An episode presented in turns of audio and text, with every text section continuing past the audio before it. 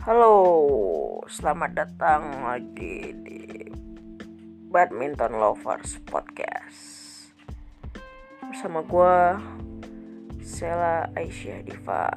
Well, di episode kelima kali ini Gue bakal ngebahas yang lagi rame-ramenya nih Lagi hangat-hangatnya.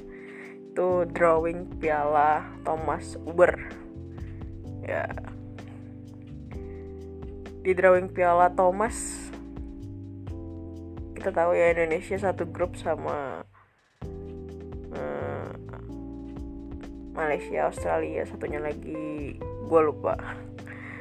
Tapi yang jelas salah satu yang paling kita waspadain adalah Malaysia. Karena menurut gue ya kalah dari Malaysia itu haram hukumnya. Ya karena apa ya? Secara kualitas secara yang lain-lain kita lebih unggul dari mereka gitu kan. Jadi ya nggak ada alasan lah untuk kalah dari Malaysia di pada pada babak penyisihan grup.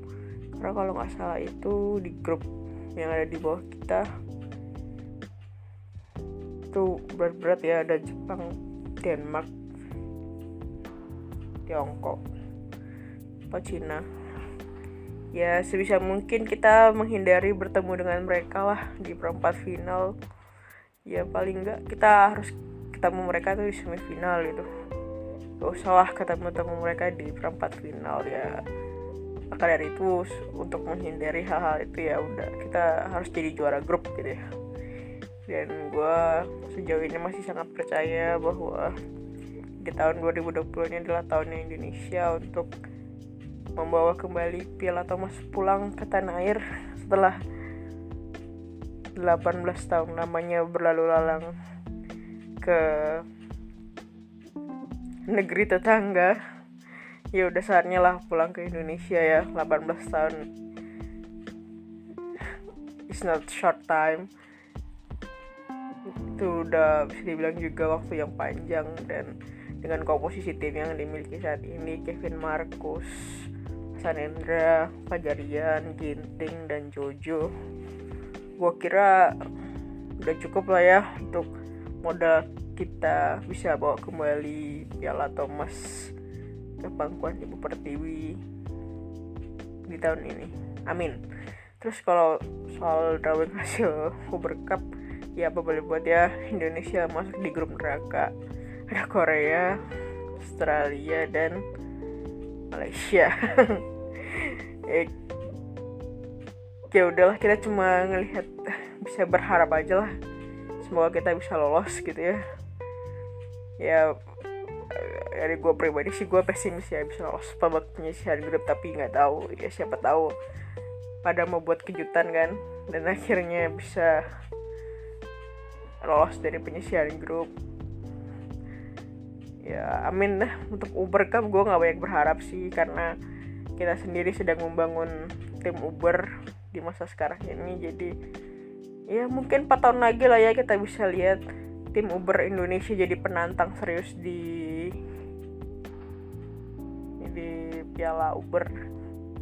Tim pokoknya tim putri Indonesia itu bisa jadi penantang serius di Piala Uber minimal 4 tahun lagi lah. Karena sekarang bibit-bibit baru baru muncul kita harus sabar. Dan 4 tahun itu waktu yang cukup sih untuk bibit-bibit muda itu menunjukkan aksinya. Dan dengan syarat PBSI itu ngasih jam terbang mereka lebih tinggi lagi gitu. Apalagi kalau udah kelihatan banget potensinya udahlah. Coba aja diikutin BWF World Tour gitu. Kayak Korea berjuang sama An Sejong dan ternyata berhasil gitu di usianya yang ke-18 tahun si An Suyong udah masuk 10 besar. Bakal tampil di Olimpiade Tokyo. Nah, itu keren banget sih menurut gue keren banget untuk seorang An Suyong dan seharusnya sih Indonesia juga bisa ngelakuin itu ya buat Putri KW gitu. Udah lihat kemarin bagaimana performa dia di PPC home turnamen dan itu sangat bagus. Dan gak ada salahnya sih. Udah waktunya lah KW itu dikasih kesempatan naik ke level senior. Ikut ikut aja World Tour. Super 100 kayak super 300 ya nggak apa-apa. Yang penting dia punya pengalaman gitu. Udah kalau mau mempercepat generasi di tim putri Indonesia ya mau nggak apa-apa biasanya harus gambling gitu.